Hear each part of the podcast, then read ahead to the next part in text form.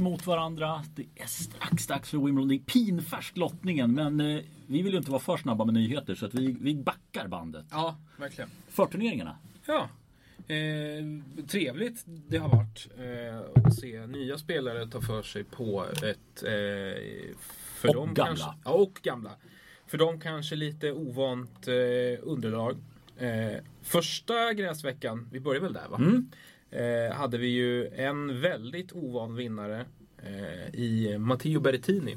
Verkligen. Som var alldeles strålande i Stuttgart. Men det är ju det här, vi är ju också inne på det här med, med eh, vad ska man säga, med italiensk tennis. Mm. Och det här är ju Vi föregångare med Ja. att uppmärksamma Ja. italiensk tennis. Jo men och nu också inte bara på gruset. Nej.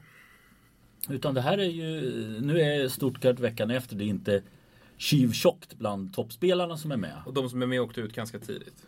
Precis. Det brukar ofta vara, känns det som att framförallt de som vill spela bara känna på gräset.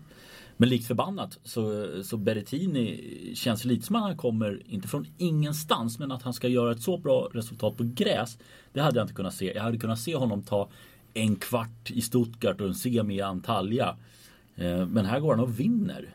Ja, han har ju smugit med lite i år och liksom eh, legat i bakvattnet och, och gradvis plockat, plockat bra med poäng och, och stegat upp på världsrankingen. Eh, väldigt stark vår på, på honom eh, och är en av alla de här italienarna som, som har tagit massiva kliv sista året. Eh, men som du säger, alltså, det är ju framförallt på grus som man, som man ju eh, ser honom eh, som en kapabel spelare. Men av det jag såg av honom här i, i Stuttgart så jag är otroligt imponerad av, av liksom sättet han tar sig an underlaget. Ja, Jag tycker han spelar oerhört smart och han verkar ha en spelstil som, som passar ganska bra. Han svingar inte så stort. Nej, det är ekonomiskt är, är effektivt. Verkligen. Eh, han såg kompakt ut hela, hela veckan. Liksom håller slagen ganska nära kroppen, rör sig jättebra. Eh, och sen så det är kanske på gräs som man märker tydligast om en spelare är i form eller inte. I och med att det är så mycket uppstuds och, och liksom timing och, och, och, och bollkänsla i det. Eh, och det, det måste han ju verkligen ha varit. Mm. Ja, men, eh, toppen och sen får vi säga Felix Ogier Aliasim tar, sin, tar sig till final här på gräset också. Nu får han ju semifinalen i och med att han inte behöver spela mot Raonic. Men likt förbannat han slår en Dustin Brown i kvarten och Brown som, ja visst han är helt sjövill åt alla håll när det gäller det här. Men grässpelskompetent, det är Oh, han ju. Jag, jag satt och lurade liksom på eh, hur högt skulle man placera Dustin Brown på en lista över världens bästa spelare på gräs? Just nu så har det ju sjunkit lite grann. Så är det ju. Periodvis har han ju varit topp 20 lätt. Det, han skulle nog fan som kunna vara där. Jag, benägen- jag, jag tänkte på det när du sa det till mig första gången.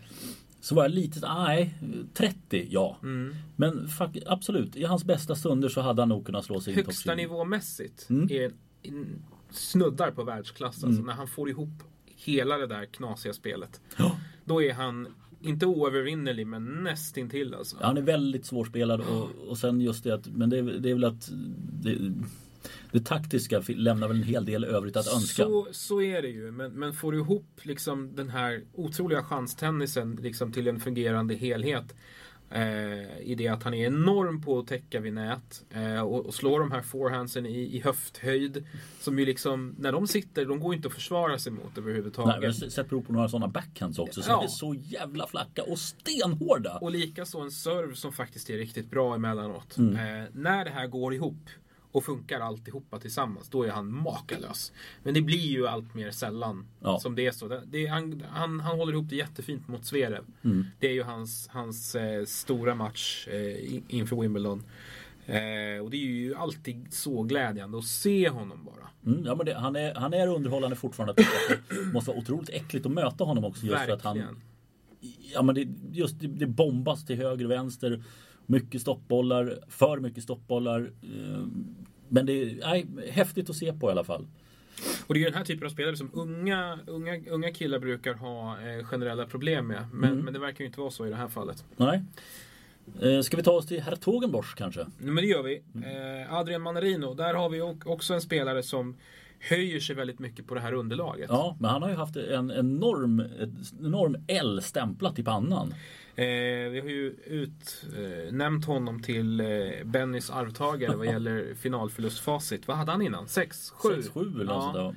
Men mot Jordan Thompson, eh, man kan ju säga att eh, det finns jobbigare finalmotståndare än en sån kille. Ja, Inget ont om Thompson, men det är ju ingen eh, det är ju ingen eh, det är inget spelare, monster som står på Nej, det andra är ingen sidan. spelare med en särskilt välfylld eh, verktygslåda. Utan det är liksom en, en grovjobbare som gör det han ska i de allra flesta lägen. jag tror ju att han har haft svårare med Gasquet än landsman. Absolut, han hade blivit skitnervös med, av Gasquet, det tror jag.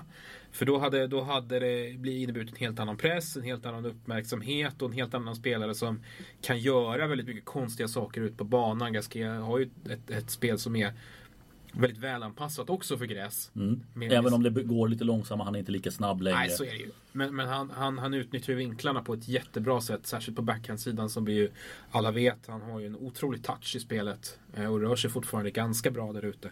Likaså Choric. Där hade han ju, tror jag, känt sig mentalt underlägsen. Mm. Choric som ju ändå har vunnit i Halle. Mm. Eh, och eh, är ju erkänt bra på gräs. Eller erkänd, men han, han gjorde det så jävla bra i fjol. Ja. Det var, då var det ju nästan som en blixt från klar himmel.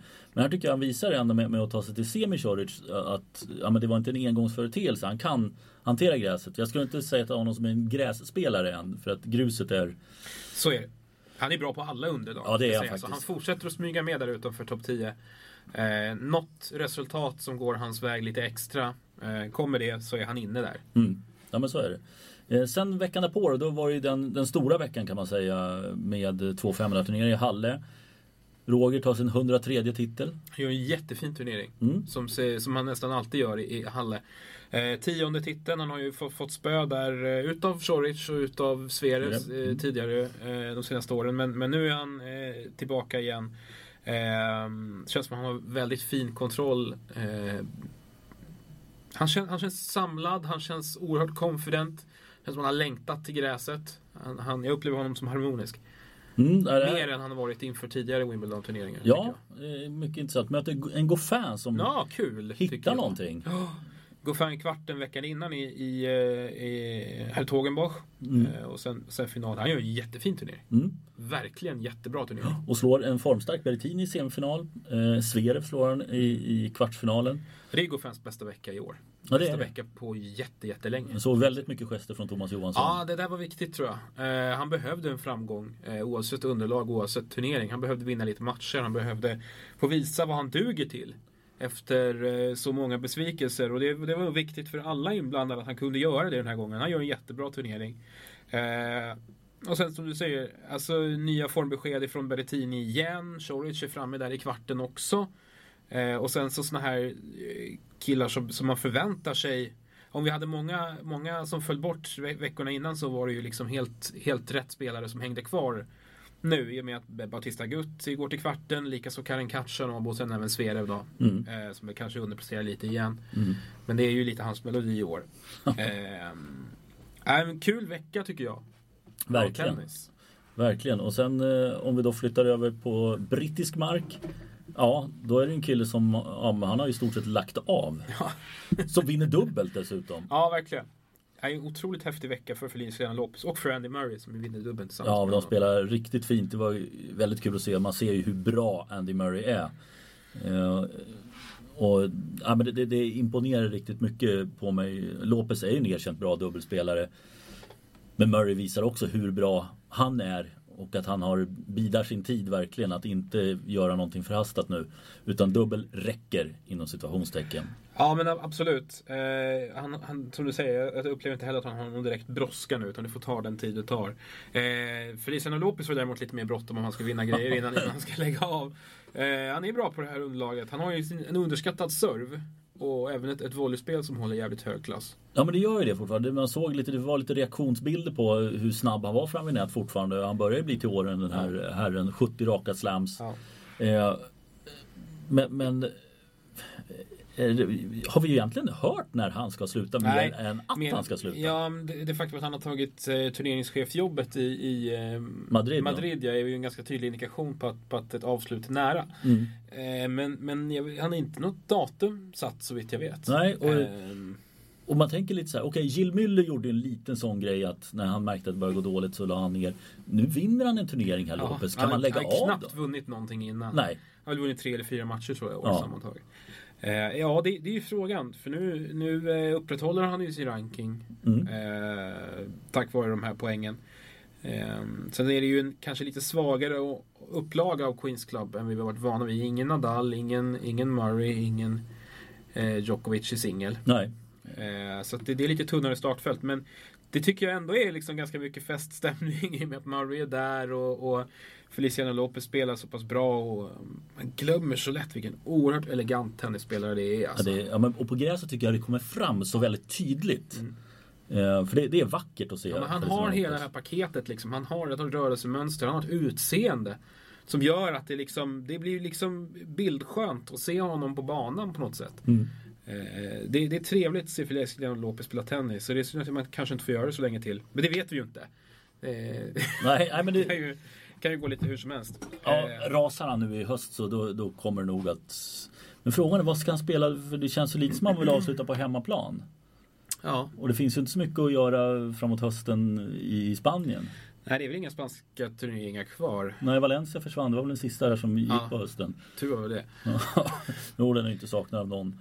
Eh, Men nej, jag vet inte heller vad... Nej, vi får se helt enkelt. Hör du, om vi tar bara några eh, högt sidade spelare som försvann där. Eh, Wawrinka. Mm. Jag tycker inte det är så konstigt egentligen. Wawrinka har aldrig riktigt varit bekväm på eh, gräset. Eh, studsen blir lite för låg för honom. Och eh, han hamnar lite, lite i tidsnöd. Eh, han, han, behöver, han behöver att tempot kommer ner lite så att han får sätta fart på bollen. Mm.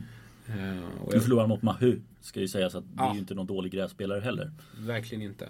Men han är lite för långsam och eh, behöver lite för mycket tid på sig för, för att vara, trivas riktigt bra här.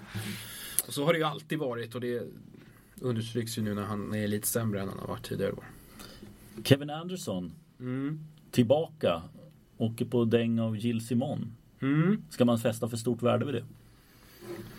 Jag tycker man ska kanske inte fästa så stort värde vid att det just är, är Simon som slår honom men han har nog en ganska lång väg tillbaka av andra. Han har varit borta länge nu. Mm. Och vi minns ju hans senaste långa skadeuppehåll hur lång tid det tog för honom att komma tillbaka Mm. på en acceptabel nivå. Eh, när han väl landade på den så blev han ju Grand Slam-finalist Mm. gånger två. Ja. Eh, och en världsspelare. Mm. Eh, Men, in, men det, vad tog det? Ett år sen så gick Ja. han sönder. ja. Inte ens ett år. Eh, så att, eh, nej, det, det är svårtolkat med Anderson. Jag känner också det. Man behöver inte läsa in för mycket i en förlust när man kliver Nej. in så här. Jag, Utan det handlar om andra saker. Det handlar mer om honom än, än, än den som slår honom. Skulle jag säga. men du, då tar vi faktiskt det på eh, temat skador. Så är det ju bedrövligt att se Juan Martin del Potro. Mm. Eh, Igen. Ja, igen. Och jag såg någon lista på den typen av eh, skador och operationer som han har haft. Den är ganska lång den där listan. Han blir Ja. ju inte helare. Nej, det är ju över ett halvdussin tillfällen nu när han varit borta. här, Upp mot ett halvår eller mer. Mm. Och det är olika saker också. Det är, det är handlederna har det ju varit båda två. Och det är knän och fötter och, det är Peter Forsberg lång skadelista här snart. Ja men det blir ju det.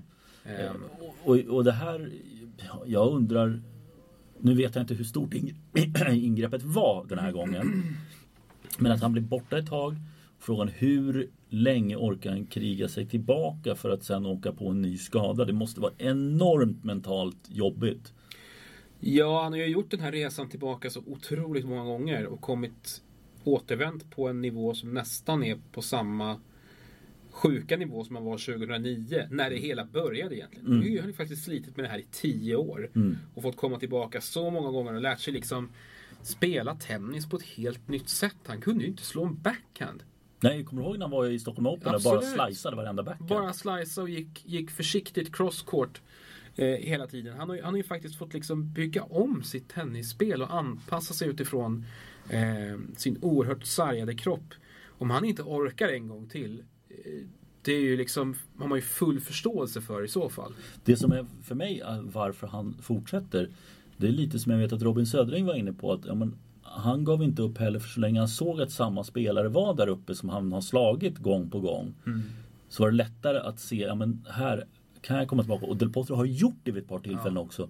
Och vet Och det finns ju ingen utöver Del Potro som har ett så bra facit mot de allra bästa. Nej. Som, som eh, mot eh, Djokovic, eh, Federer och Nadal. Det finns ju ingen någonsin som har varit så konsekvent bra och hotat dem. Mm. På alla möjliga underlag egentligen. Han har slagit alla i alla tänkbara sammanhang oavsett deras form. Mm. Så bra har han varit. Mm. Och detta trots alla dessa förbannade skador. Mm. Och det är, hoppas att när det väl är över så att han får det erkännande som han förtjänar. Och vi har, det här vi tjatat om mycket, att i en annan era så hade han varit, liksom, hade det inte varit för dem så, hade det inte varit för dem så hade han vunnit halvdussin Grand Slam-titlar. Ja, eller om han hade fått vara hel så är det inte omöjligt att han, han hade vunnit varit kanske, en av dem. kanske, som kanske stått som Wawrinka och Murray då. Mm. Han kunde ha haft ett tre, fyra stycken i alla fall. Trots eh, Djokovic, Federer och Nadal. Det Mm. tror jag, absolut. Men nu är det, blir det ju upphackat hela tiden och, och eh, det, är, det är så jävla sorgligt. Ja, det är jättetråkigt och det är en rolig och sympatisk person som, som vi gillar på alla tänkbara sätt och som man vill se där ute på banan. Det är skittråkigt.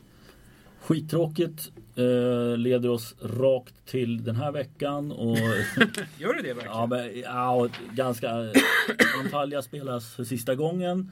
Eh, kommer beslut i helgen va, på vilket mm, som tar över eh, licensen för nästa år. Svaneholm, är de fortfarande med i racet? Vet vi det? Ja, påstods det för någon vecka sedan. De är i alla fall i full gång nu eh, med sin veteran-tourtävling. Mm.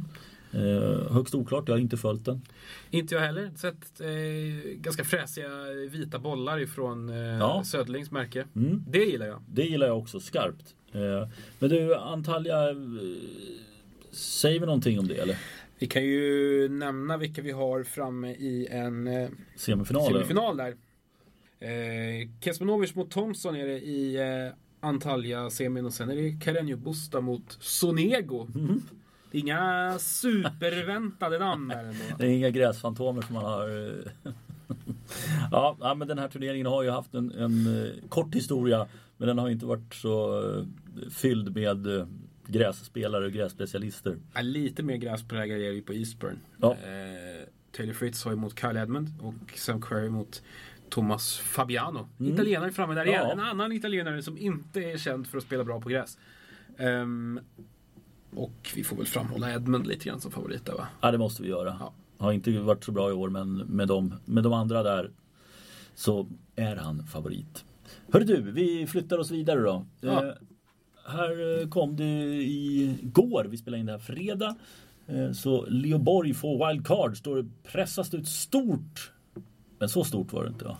Det är ganska stort eh, Medialt. medialt sett. Eh, som, som rent, sportsligt är det väl kanske inte asstort att, att en sån spelare får ett wildcard till kvalet i Precis. Wimbledon.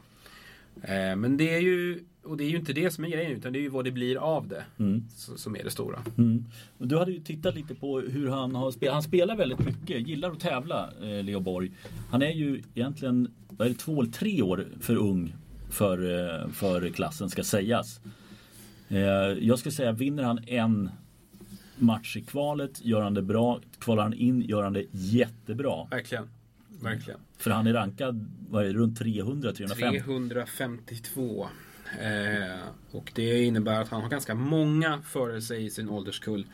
Eh, blev ju hype kring honom i fjol egentligen för första gången. Eh, han vann, vann en del tävlingar då eh, och började eh, ticka uppåt på rankingen eh, trots ung ålder.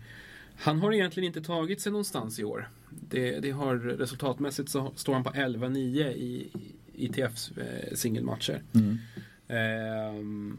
Och det, det, det är egentligen, han, han står egentligen still, alltså utvecklingsmässigt eh, sett till resultaten. Ja. Eh, han har snarare backat sen årsskiftet faktiskt Mm. eh, på, på rankingen. Eh, och sen ska jag säga, det är inte så ofta man får se eh, chansen att se en sån här spelare in action. Nej. Så att, eh, jag, jag, ska, jag ska inte ens försöka uttala mig om vad, vad som har hänt med honom spelmässigt. Men resultatmässigt så eh, är det inte så mycket att hänga i julgran egentligen. Han har ett antal svenska juniorer framför sig och han har som sagt många födda samma år, 2003, som honom på, på världsrankingen också. Utan den här möjligheten, den får han ju Ja, får vi ju säga väldigt mycket tack vare vem pappa är. Mm.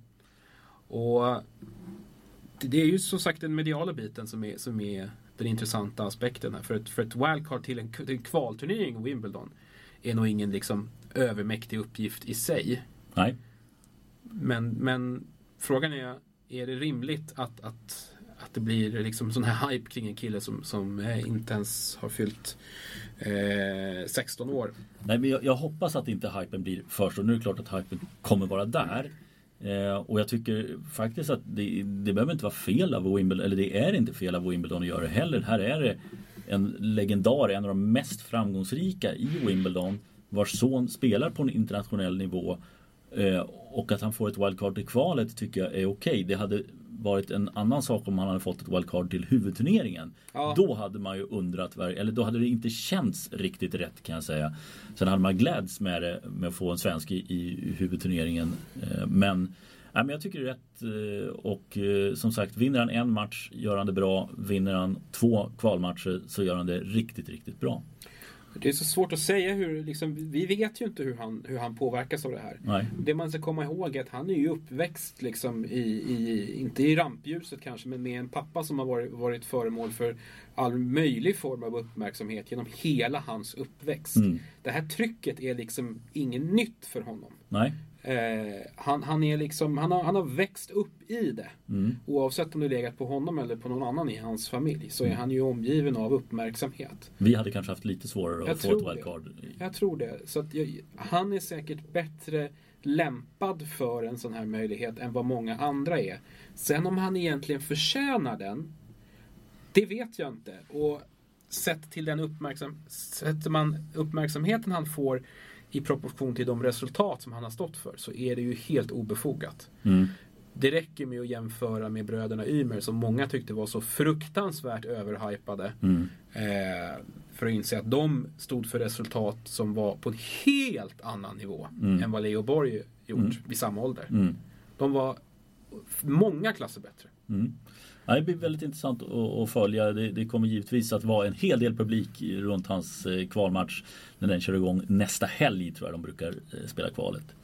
Eh, och i kvalet så hade vi ju två stycken svenskar. Johanna Larsson försvann snabbare än kvickt. På här sidan var det Mikael Ymer som ja, tog Dustin Brown i en andra runda men sen räckte han inte riktigt hela vägen i kvalfinalen. Mm. Det, var, det var tight. Mm. 3 till set. Elias åkte ut tidigt ska vi säga också. Ja. Eh, ledde tror jag i skiljeset där i sin öppningsmatch men förlorade den ändå.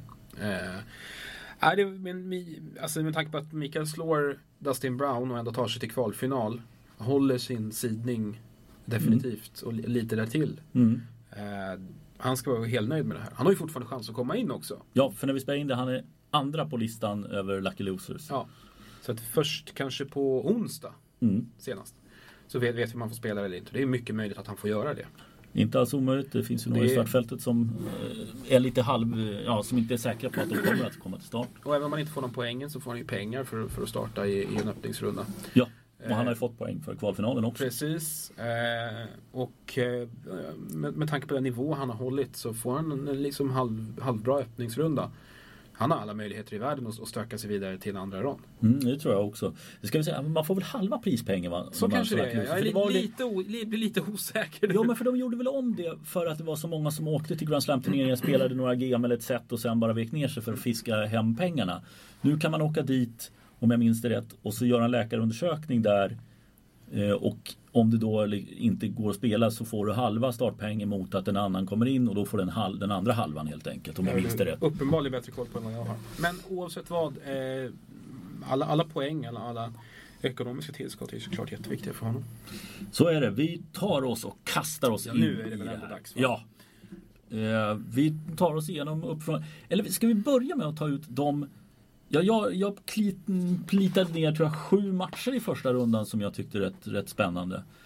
Du tycker du ska lista dem så, så, så pratar vi lite om dem. Ja, Novak Djokovic och Philip Kohlschreiber. Mm. Ja, man ska... Nine tror jag det hördes rätt högt. Men de tycks ju springa på varandra. Ja. Eh, Kohlschreiber spelade ju bra här för ett antal veckor sedan. Mm. Nu har, verkar det ha mattat lite grann. Mm. Eh, jag tror inte det är en sån spelare som Djokovic ville ha i en första runda. Det är fint med tanke på vilka andra det var som mm. låg där uppe och skvalpa. Han hade kunnat få en Dennis Kudla till exempel som, som hamnade precis nedanför. Eh, det, det, finns, det finns nog enklare öppningsrundor absolut. Korsberg är ju väldigt bollbegåvad och... och... inte oäven på gräs heller. Nej. Han, är, han är, liksom, spelar mycket på gräs, spelar ofta mycket bra på gräs. Eh, och har ju en, i grund och botten ganska offensiv spelstil. Gillar ju att följa med fram på nät. Så att, det blir liksom ingen eh, promenad i parken för, för Djokovic på något sätt. Men jag tror ändå han vinner. Nästa match då, då har jag plitat ner Kevin Anderson och Pierre-Hughes Herbert. Mm.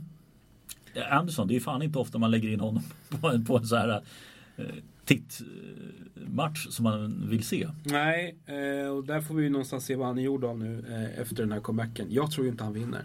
Nej, eh, vi återkommer till det. Sen flyttar vi ner längst ner en kille som gick bra förra året som du har gillat lite grann också. Han slog ju Djokovic i Monte Carlo var det väl. Jiri Vesely mm. som möter Alexander Zverev. Vesely som har kvalat in och varit väldigt mycket upp och ner resultatmässigt. Zverev Eh, har ju massa matcher här i inled inledningen på turneringen där han kommer att vara superfavorit. Och han mm. gillar ju inte det. Eh, och har sett liksom två plusmässig ut mm. hittills på, på eh, gräset. Gick ju ändå ifrån eh, Paris med en positiv känsla får man ju säga. Mm. Men han kanske inte riktigt överfört det på, på gräset. Eh, Lendl tillbaka i boxen hörde jag. Um, Pollen, eh, pollennivåerna har sjunkit nu. eh, neråt på nedre halvan så har jag lite längst upp där. Dominic Thiem drog ju inte heller någon vinstlott. Sam Query. Okej, okay, Query har varit skadad ett tag. Kommer tillbaka nu till gräset, vilket jag tycker han gjorde helt rätt i att inte göra någonting. Springa till Franska öppna och torska en första runda vänta någon vecka till, få gå in på gräset. Ja, den där matchen eh, blir intressant. Verkligen. Eh, och där har du liksom kontrast till det att Query älskar att spela på gräs och var ju framme i eh, semifinal för inte många år sedan. Nej, två eller tre år sedan. Två eller tre år sedan. Eh, och har ju ett spel som är perfekt anpassat för det här underlaget. Hårt och flackt på samma sätt hela tiden. Eh, team är ju raka motsatsen. Han, han tycker ju inte om att spela på gräs överhuvudtaget. Nej. Eh, och det är fullt, fullt förståeligt. Han spelar med mycket mer spin på bollen med större marginaler över nätet, långt bak i banan. Eh, och då måste han råda om hela sin grundapproach till det här spelet. Och det är inte så kul. Det är inte så kul, eh, men något som kan bli kul det är Francis Tiafoe och Fabio Fognini.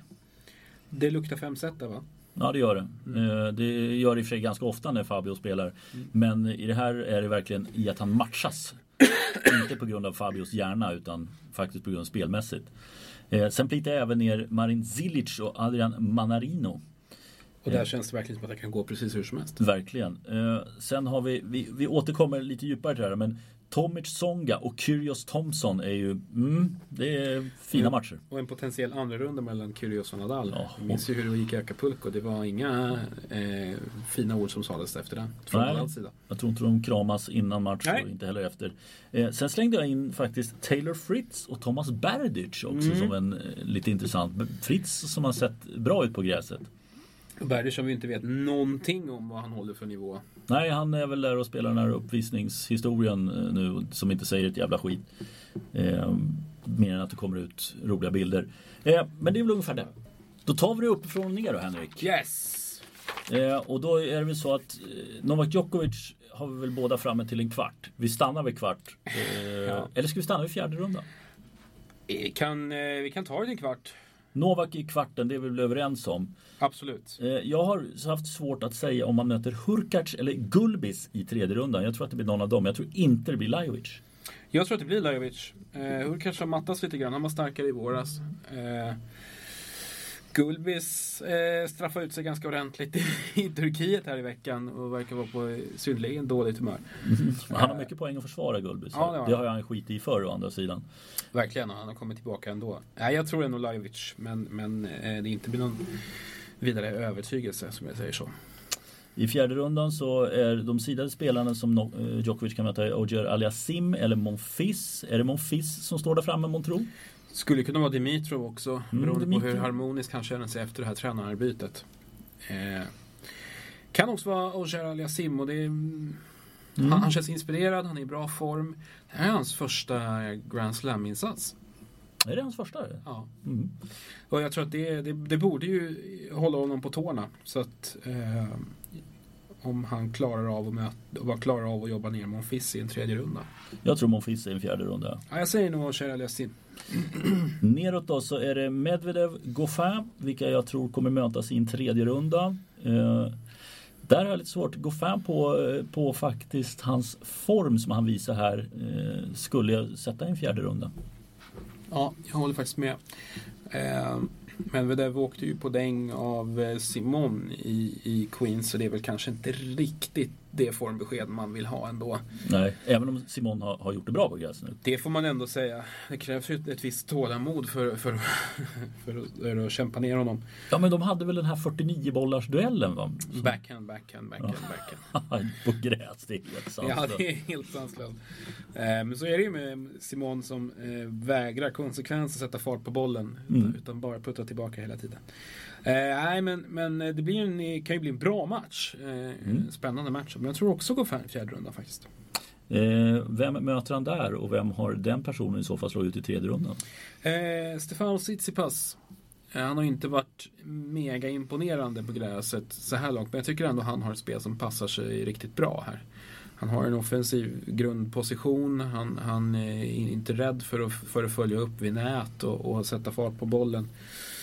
Um, så att jag tror att han, han tar sig dit men Kyle Edmund kan bli lurig i en tredje runda. Jag om satt, det nu blir han. Jag satt Verdasco där. Du har det? Mm. Mm.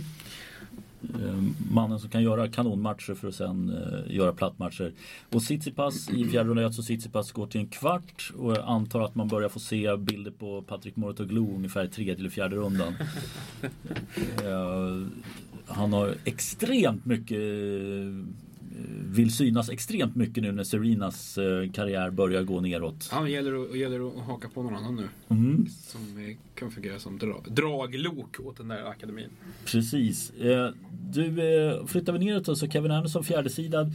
Jag har satt Anderson snedstreck Herbert i en fjärde runda. För jag tror att någon av de två är det. För jag har så oerhört svårt att se att att Seppi, Jari, Koppil eller Peja skulle sätta stopp för dem, någon av dem?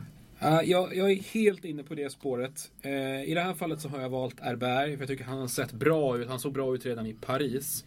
Uh, på ett underlag som han inte ska se speciellt Nej, bra exakt. Och ändå gör han det och en hårsmån från att krångla sig förbi Per där också. Mm.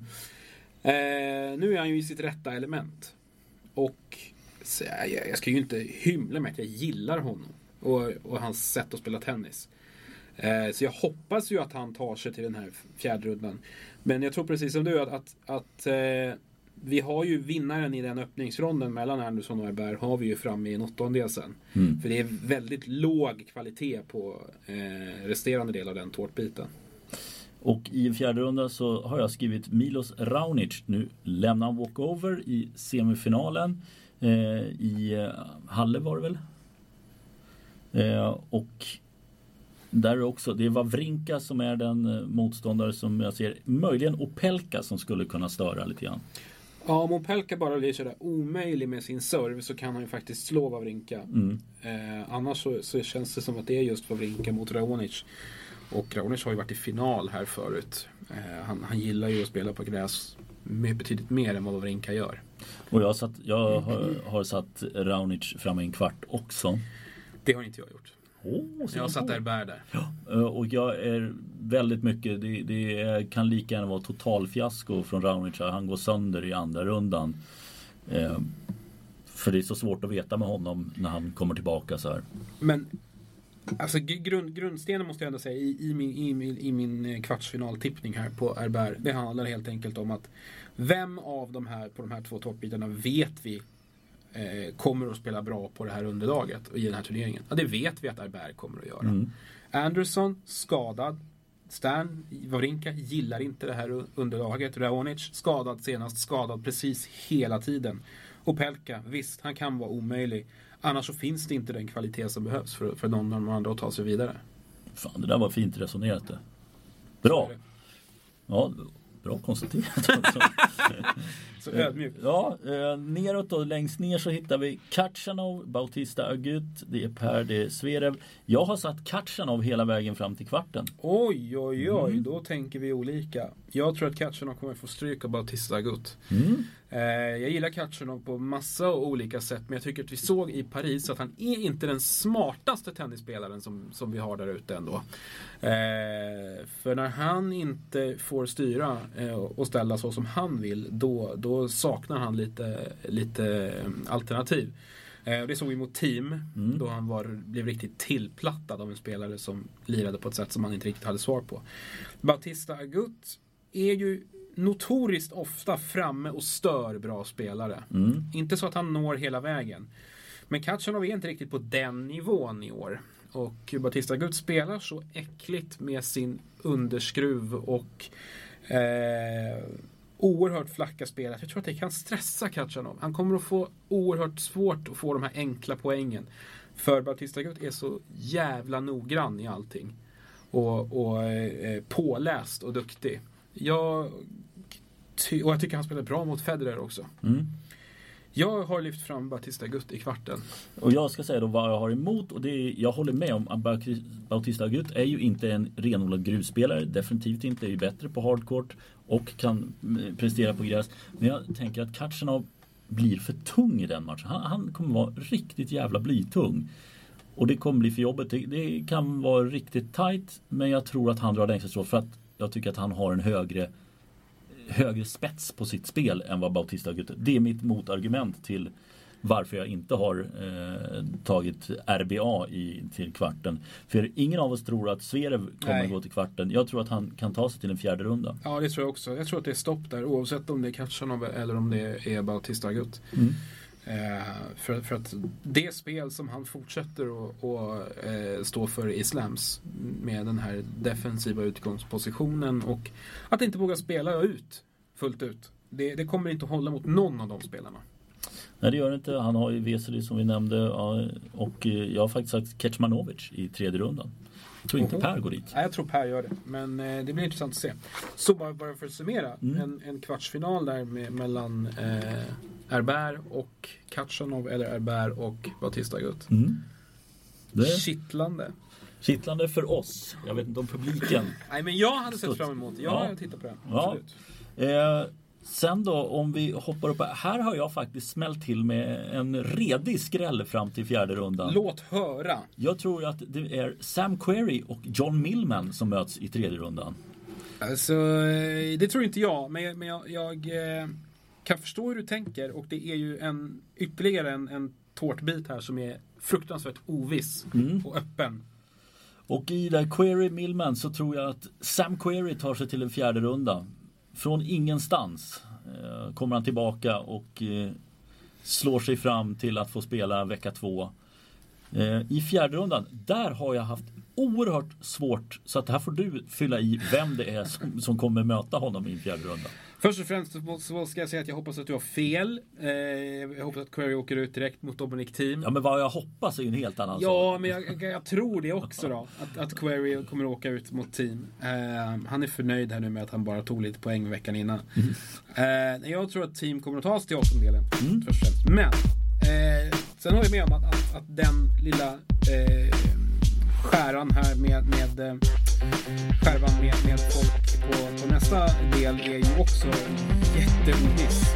Eh, du nämnde tidigare TFO, Mussolini i öppningsmatchen. Den kommer att dra iväg, den kommer att bli lång. Och jag tror att vi har vinnaren i den matchen eh, kommer ju definitivt ta sin tredje runda där Simon kommer att vänta. Mm. Och sen hur det går där, alltså jag har satt Fognini i en åttondel. Mm. Men- Han lyckades ju bra i fjol Ja. faktiskt. Det gjorde han ju. Eh, men jag gör det ju inte med någon vidare övertygelse. Nej. Det känns som att det är, det är Simon, det är Fognini eller eh, eh, kanske, kanske TFO som, som är i den fjärde rundan. Mm. Eh, Vem, av- vem går till kvarten då? Team. Där ser man på. Men jag... Ja, det, alltså i, i, i mina ögon kan det lika gärna bli Millman. Ja, men jag går all in Sam Query här till kvarten. eh, flyttar vi Som ner. sagt, jag hoppas du har fel. Ja, jag hoppas verkligen att du har fel. Eh, Silic Basiashvili eh, i en tredje runda. Jag har satt Dan Evans som är, eh, har ju vunnit en, vann ju eh, den största challengern första veckan efter Franska öppna. Slog Micke Immerör också. Just det. I Alkli va? Mm. Eh, och sen följt upp med bra spel.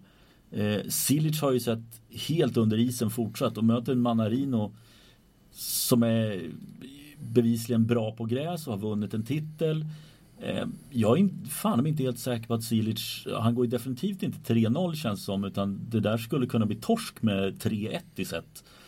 Eh, jag har jättesvårt att säga det. Sen i en andra runda så är det Sousa eller Paul Jubb och det är ju liksom ingenting som jag ser även om Sousa, visst han kan stå och banka från baslinjen så att eh, om vinner Manarino, Manarino så skulle Sousa kunna ta sig till en tredje runda. Men eh, jag, jag, tror ändå på något sätt att Silic lyfter sig här och tar sig hela vägen till en fjärde runda. Ja, du har sagt precis allt det jag hade tänkt säga. Eh, nej men på allvar, jag, jag, känner precis som du eh, en oerhörd eh, ambivalens inför den här, inför den här eh, första rundan mellan Silic och Manarino. Det som jag tycker talar för Silic ändå är att han, han, kommer att få, han får tid nu att liksom jobba sig in i den här turneringen och förbereda sig mentalt. Manarino kommer ju lite dit med andan i halsen från andra turneringar och spelat väldigt intensivt inför. Det behöver ju inte vara dåligt, men, men om han kommer att ha vunnit sin första titel i karriären mm. eh, går långt här i sista veckan. Jag vet inte om det liksom är det bra om, om, det blir, om vi hamnar i ett skede där vi liksom går mot ett femte set. Orkar han pusha in mot, mot Silic då med den serven och, och de vapen han har? Jag vet inte. Jag tror, jag tror inte det. Och sen har vi ju Evans liksom precis nedanför. Basilashvili tror jag inte är något hot. Eh, Evans är det i enstaka set, enstaka matcher. Mm. Men han kommer aldrig orka in i en andra vecka. Han är för dåligt fysiskt tränad. Mm. Han, han är för mjuk i kroppen, helt ärligt. Diskotekdagen. Ja, nej men han, han prioriterar andra värden i livet och det hedrar ju honom på sätt och vis. Men, men det gynnar honom inte så mycket i de här sammanhangen. Men han kommer stå för jättemånga fina poäng och göra jättemycket roliga bollar. Och, och den här kommer hamna på en ganska stor arena och publiken kommer tycka det är kul. Och, och liksom, han är framme i tredje runden och då skrivs det både det ena och det andra i, i brittisk press och det blir en jävla hype kring den här matchen. Men när det väl kommer till kritan så oavsett om det är Manarino eller om det är Silic som, som står för motståndet där framme. Han kommer aldrig orka. Efter tre runder då är han slut i en femsetare. Det, det tror jag, det är jag helt övertygad om. Ja, så där är, jag, jag tror på Silic ändå, men jag, jag, vill inte ha honom där för han är så fruktansvärt dålig nu. Mm. Eh, och han är inte förtjänt av de poängen som ju fortfarande kommer att hålla honom liksom ovanför vattenytan under den här usla säsongen som han är mitt i. Ja, det har faktiskt inte varit någon fröjd att se Silic spela. Verkligen inte. Eh, flyttar vi neråt då, här kommer det här måste ja, man... det här är en tokig del alltså. Ja, det här... Shapovalov, Berankis, Tomic, Songa, Kyrgios, Thompson, Sugita och Nadal. Ja. Det är ju, vi har fått se så mycket trista bitar här uppe. Mm. Den där liksom mittensjoket av hela lottningen. Så kommer vi till en där det liksom bara dräller av underhållande och, och eh, mer eller mindre bra spelare. Eh, det kan gå nästan lite hur som helst här. Vilka har du i tredje? I tredje rundan så har jag faktiskt Songa och Nadal. Nej men ser man på, det har ju jag också. Ska, vi, ska jag förklara hur jag har tänkt Ja, du förklarar nog för mig också när du är i farten. Jag tror att Chapovalov kommer att åka i öppningsrundan först och främst. Mm -hmm. eh, jag börjar bli lite trött på att han inte tar tag i effektiviteten i sitt spel. Mm. Eh, och Berankis kan vara en lurig fan på det här underlaget. Mm, han har ändå varit med ett tag. Eh, och det har inte Chapovalov och han, han är så naiv i sitt spel. Och det, det, stör mig när man har så mycket vapen som han har, att man inte gör mer, mer alltså jag sak, det, det, här, det här skrev jag med flera om på Twitter för några veckor sedan, att man saknar, man saknar en tanke i det han gör, för han, han, han hugger så vilt på, på så många chanser och någon skrev han saknar transportslag. Absolut. Mm. Han måste vara lite mer tålmodig där ute, även på gräs. Och sen svingar han ganska stort, framförallt på forehandsidan. Han kommer, han kommer inte att få lika mycket tid på sig som han får på till exempel hardcourt. Och det kommer, att, det kommer att störa honom. Backhanden tror jag han kommer att klara ganska bra. Mm. Vi vet att han är snabb och att han är i bra form. Men jag tror att han, han kan mycket väl bli straffad av Berankis. Mm. Och han kommer definitivt inte ha någonting att sätta emot Songa. För Nej. han är för smart på det här underlaget. Precis. Han kan det här för bra. Där är mitt argument varför han inte är i tredje rundan. Songa är för rutinerad i det där läget. Även om Berankis är så är Songa det på en helt annan nivå. Och det, där är Songa i sina toppar för bra. Så att, nej, jag tror inte att Shapovalov håller sin sidning helt enkelt.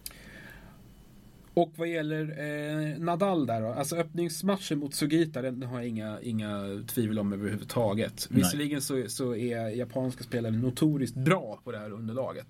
Men... De är Eh, inte Nadal bra. nej, absolut inte. Däremot, andra rundan mot Kyrgios. Ja, det känns som jag har sagt det här några gånger förut, men det hänger ju lite grann på den som står på andra sidan nätet där.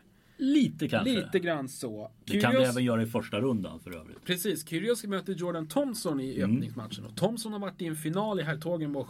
Han är i skrivande stund, eh, när, vi, när vi spelar in det här, i semifinal i Antalya. Mm. Och det är ju frågan med vad han kommer in för mindset, precis som jag pratade om med Manarino där borta. Han spelade sin första final för några veckor sedan.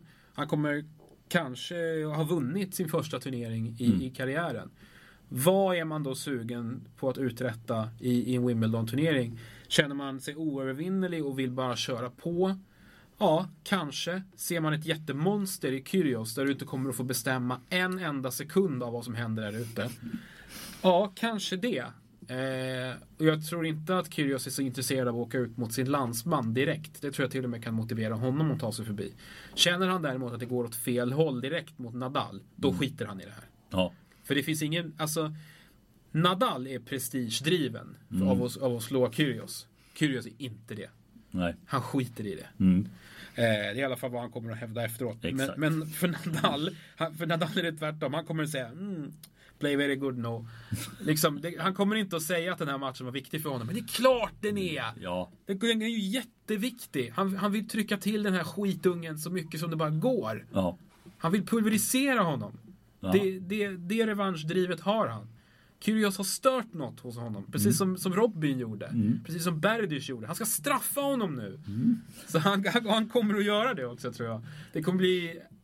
Förmodligen så kommer inte ens eh, Kyrgios att klara av att bjuda upp. Nej, nej men så, så kan det mycket väl vara. Har du lagt märke till att det var David Torstensson som också noterade det här för en vecka sedan. Att ATP börjar köra väldigt hårt på Kyrgios. Väldigt mycket sociala medier grejer. Ja, med- de har väl, det känns som att de har piggnat till lite grann i sociala medier överlag. Mm. Det är möjligt att de, att de har, eh, de är inte Carolina Hurricanes pigga, men de kanske har någon kille nu eller tjej som har kommit in med, li, med lite, lite fräscht tänk. För de, de börjar ändå singla ut lite folk som, eh, som, som de kan Men det känns ändå kring. som att Kyrgios, det, det är ju några kapitel efter du har eh, haft ha, Hypen finns väl fortfarande men, men är inte, han är ju inte så vad ska man säga, väl ansedd om man säger i våra tennis, i våran tennisvärld. Nej. Eh, Där har ju han blivit mer pajasaktig. Eh, Så att jag, där är jag lite tveksam till att det är rätt att pusha honom nu när han dessutom har betett sig rätt illa på senare tid också. Mm. Eh, Men men, det, det var ett sidospår. Ja. Nadal till kvarten i alla fall. Det har vi väl båda gissar jag. då. Yes. Neråt. Eh, ja, här eh, plitar jag inte i någonting förrän i fjärde rundan för Kei Nishikori. För det här är fan med en av de mest eh, skrattretande bitarna som vi kan hitta på den här lottningen. Ja, det är sån oerhört varierande eh, kvalitet på såväl underhållning som på eh, spel i, i allmänhet på, på de här olika delarna av lottningen. Här har vi ju en som inte är särskilt kul överlag eh, åt varken åt det ena eller andra hållet. Eh, och jag, jag, alltså, jag såg på Twitter någon som skrev att som hade dragit fram Federers väg, för Federer ligger längst ner på den här biten mm eh, eh framåt i turneringen och skrivit i kvartsfinalen. Vem som helst utom Nishikori, bara snälla. Men det kan ju inte bli Alltså jag har sagt Nishikori kvartsfinal, jag kan inte se någon annan. Alltså titta på de han har fram till fjärde rundan. Han har Monteiro, han har Istomin eller Norrie. I en tredje runda Steve Johnson som fan med knappt kan vinna en match. Ramos Vinolas likadant. Cecchinato som, ja jag vet inte hur. eh, Klippa gräsmattan är väl hans bästa merit på gräs. Och Deminaur. Minar har tappat allting. Jag är, det tycker jag är en av eh, alltså, de tråkigaste utvecklingarna sista månaderna. Mm. Med tanke på hur bra han såg ut att vara på hemmaplan i Mm. Australian Open. Man såg verkligen eh, framtiden i honom. Mm. Vad hände sen? Inte ett skit. Inte ett jävla dugg. Jättetråkigt Ja. jag att han inte klarar av att följa upp det. Nej, det, det är värdelöst. Men, men det är där, där i, det, i sällskapet så Alltså sk- skulle Nishikori förlora en sån, det är ju kölhalning hemma i Japan om man skulle göra det. det, det, det Ja. Det går inte. Nej. Alltså, han är ju fullständigt cementerad i fjärde rundan. Precis som du säger, han har bara formsvaga eller liksom direkt spelsvaga spelare. Mm. Eh, Norrie är ju skolad på gräset. Men, men vadå? Vad, ska han kunna kämpa ner Nishikori över fem set? Nej. Det går ju inte. Nej. Och Johnson är, är ju eh, möjligtvis den som kan ta sig vidare till tredje rundan. Men han har varit i klappkass form hela säsongen. Ja, för det kändes som att här på gräset kanske han skulle kunna hitta någonting. Vi kommer ihåg att han gjorde ju det för ett par år sedan också. Ja, Men nej. det ska naturligtvis inte räcka. Nedanför där då? Ja, där blir det lite mer intressant. Där har vi alltså Berrettini och Isner. Isner som kommer tillbaka, han har inte spelat sedan i mars. Eh, men han behöver ju sidan inte spela så enormt mycket utan han kan serva sig vidare. Han möter Kasper Rud i första rundan. Jag tror att Isner tar sig till en tredje runda men sen tror jag att det blir Berrettini eller Taylor Fritz. Ja, jag, eh, jag, jag, är med, jag är med dig på det. Absolut. Eh, och jag, jag skulle nog säga Berrettini. Mm. Isner har varit borta lite för länge för att han ska kunna eh, serva, sig, serva sig fram särskilt långt i den här turneringen. Och det är många poäng som, som försvinner för honom nu. Han har, går in stor, med stor press och dåliga, dåliga förutsättningar. Mm. Eh, sen har han ju uträttat mirakel i den här turneringen några gånger tidigare. Det har hänt. Man ska aldrig räkna bort honom. Ja, plötsligt så står han ju där med sin jätteserv och, är framme i någon ny semifinal och, och så tycker man, undrar man vart den här sporten är på väg någonstans. Men jag, jag, jag både tror och hoppas att Berrettini når till den här fjärde rundan.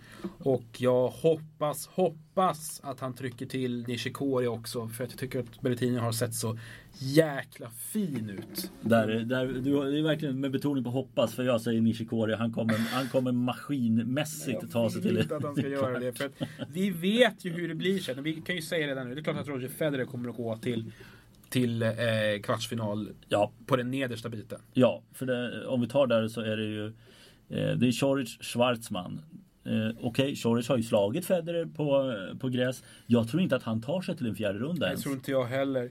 Eh, du har Jan-Lennart Struff där. Exakt. Smygaren Jan-Lennart Struff. Mm. Som jag tror nästan ingen vill möta eh, i ett sånt här skede. Han har spelat så bra i år. Mm. Eh, och, och delar det i och för sig lite grann med Choric att man saknar den här riktigt lilla, lilla liksom körsbäret på tårtan. Mm. Och, och den här riktiga rankingskjutsen.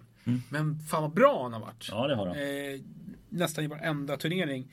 Och nu kommer en liten skjuts i alla fall. Till åttondelar tror jag. Ja, jag, jag har skrivit ner Struff till åttondelen också. Jag satte faktiskt Krajinovic i tredje rundan. Ah, jag tror ändå Schwarzman att vi har honom i en tredje runda. Eh, Mm. men, men Krajinovic har också haft en, en positiv utveckling här sista månaderna. Så det kan mycket väl gå. Och sen då Roger Federer, ja han fick ju Federer fick ju Federer-lottning. Ja, mycket diskussion kring det. eh, Nadal och, och Federer, eller vem som har sida två och trea. Men i alla fall, Federer får alltså Lloyd Harris i första, Noah Rubin, Jay Clark i andra. Och det är väl i ärlighetens namn skrattmatcher.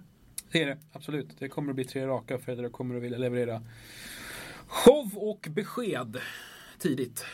Och sen i tredje runda, Puy som möter Gasquet eller Bublik Barrer. Det är ju inte heller som man trillar av stolen när det gäller grästennis. Eh, det, det är inte heller i mina ögon någonting som jag kan se som kan hota Federer från att vara en fjärde runda. Absolut ingenting. Och i en fjärde runda möter han Jan-Lennart Struff och jag har inte heller någonting som Struff kan göra för att Federer ska kunna falla. Struff känns ju som att han skulle kunna, liksom, om, om, sak, om, om stjärnorna står rätt och att saker och ting börjar liksom fortsätta falla på plats för honom. Mm. Att han kan bli liksom en sån här Bautista Gutt-figur. Som är liksom jättebra i varenda turnering. Men som, men som saknar den här lilla edgen och, och det här lilla, lite star quality. Någonting lite extra för, för att kunna hota de allra bästa. Han kommer att ha liksom katastroffacit mot spelare topp 10. Men liksom slå varenda jävel som är precis rankad nedanför honom. Och det, det kommer att bli tydligt i så fall i en, i en åttondel mot Federer. Mm, för då får han kliva in på centerkorten också. Nej. Eh, Federer Nishikori i kvarten och som du sa där vet vi hur det kommer att gå. Eh, men vi, vi stannar bandet där. Ja. Det gör vi. Eh, men där, så där, nu har vi täckt upp det hela. Innan vi stänger ner det här så eh, var du snabb och snappade upp startfältet till Båstads 125 som kom väldigt sent. Alltså damturneringen. Eh, Och det mest noterbara som eh, man höjde, först höjde man på ett ögonbryn och sen höjde man på det andra. Det saknas svenskor. De två stycken bästa vi har. Eh, Rebecca Petersson har gjort ett aktivt val visade det sig att inte spela den här turneringen. Hon vill inte kasta in en grusvecka innan hardcourten. Hon är, är tokmotiverad att göra bra ifrån sig i USA. Mm. Eh, och, och det är, hon, hon sätter sin egen eh, Ja, hon, hon sätter årets säsong och sin egen ranking före att, att spela i Sverige och eh, det tycker jag ingen kan klandra henne för. Nej, det kan man inte göra. Hade det varit, hade det varit en, en eh, riktig VTA-turnering, nu är det ju inte det, Nej. även om vissa vill gärna påskina det, så, så hade man kunnat ifrågasätta ett sånt beslut. Inte nu. Nej. Hon vet bäst vad hon ska spela på för underlag Mm. och, och, och vad som är mest lämpat för henne. Hon hon eh, har ju någonstans ändå visat att, att hon, är, hon är kvar i ett läge där hon liksom behöver bra turneringar varje vecka. Eh, hon har ganska stor spridning på poängen så hon måste fortsätta vinna någon match eller två varje vecka. Så som hon har gjort nu. Eh, Hon har varit bra på det. Hon är, bra, hon är bra på att samla ihop poäng lite här och där och, och sprida ut det. Eh, så att förhoppningsvis så kan hon fortsätta göra det och eh, vinna lite matcher även, även på hardcourt. Så att jag, jag har full förståelse för det beslutet. Sen så har vi ju eh, Johanna också som inte Mm. heller är med. Hennes ranking hade ju i nu, nuvarande läge inte ens räckt för att gå in Nej. i, i, den här turneringen eh, i singel. Och eh, det här, den här dippen som vi har pratat om ganska mycket skulle komma. Och jag trodde det skulle komma mycket tidigare. Ska jag eh, villigt erkänna. Men eh, den har kommit nu. Och hon eh, är inte riktigt en kraft att räkna med i singel som det är nu. Men i dubbel däremot är det ett helt annat läge. Nu är vi ju ändå på gräs och hon gillar inte det. Men hon kommer ju naturligtvis ändå att vara, om inte favorit så i alla fall en, en kandidat att spela en, en andra vecka i dubbel. Mm. Och hon är ju av den anledningen då inte anmäld och just nu inte aktuell. Nej.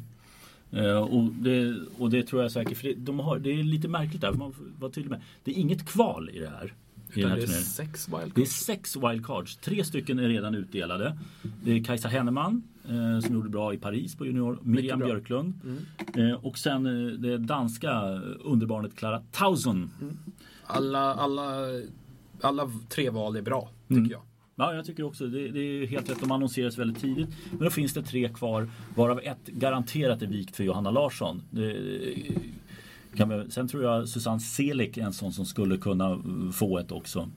Ja, eh, Selik kämpar ju för, för att återvända till den nivå hon var innan eh, allting gick sönder. Mm. Och hon tokrasade på rankingen, tråkigt nog. Hon var verkligen på G där. Mm. På god väg att, att om inte slå sig in på VTA-touren så i alla fall precis, precis under. Hörru du, om vi tittar på de som är med då, om vi bara tar det väldigt snabbt så har vi ju eh, faktiskt två tidigare vinnare som är, eh, som är med i Polona Herzog som vann VTA-turneringen två gånger och Laura Sigemund, ja dessutom det är tre, Mona Bartel är också med. Eh, så det är eh, för att vara en sån här turnering så har de ett helt okej startfält. Men Frågan är vad det gör för skillnad. Exakt, för det är ingen som vet vilka de här spelarna är om man hårdrar det lite grann. Eh, Men eh, ja, det ska bli spännande att se lite grann på plats hur, hur den där tävlingen kommer att se ut publikmässigt och vilka som får de sista wildcardsen. Vad tror vi om eh, Rebeckas chans i Wimbledon? Janina Wickmeyer i första. Eh, Garcia andra. Wozniacki i tredje om jag är rätt ute. Eh, Wickmeyer tycker jag är en bra lottning. Mm, hon har kvalat in, hon har hållit en hög nivå tidigare men har Men det är nästan tio år sedan Ja. som hon ja, var riktigt bra. Så där eh, tycker jag att hon har en god chans. Garcia eh, tror jag hon får det tufft mot. Eh, samtidigt tycker jag hon kan gå in och spela ganska respektlöst mot i stort sett vem som helst hon än, som än står på andra sidan nätet. Så jag tror inte hon är borta men det skulle vara en ordentlig skräll om hon skulle slå Caroline Garcia. håller med om det också. Eh, en andra runda är, är, är godkänt Mm. eh, facit för henne som, som det ser ut nu. Eh, jag, tror att, jag tror att det kommer att stanna där. Vi stannar där och vi stannar här. Vi är tillbaka när ni minst anar det, eller mest anar det. Om en vecka.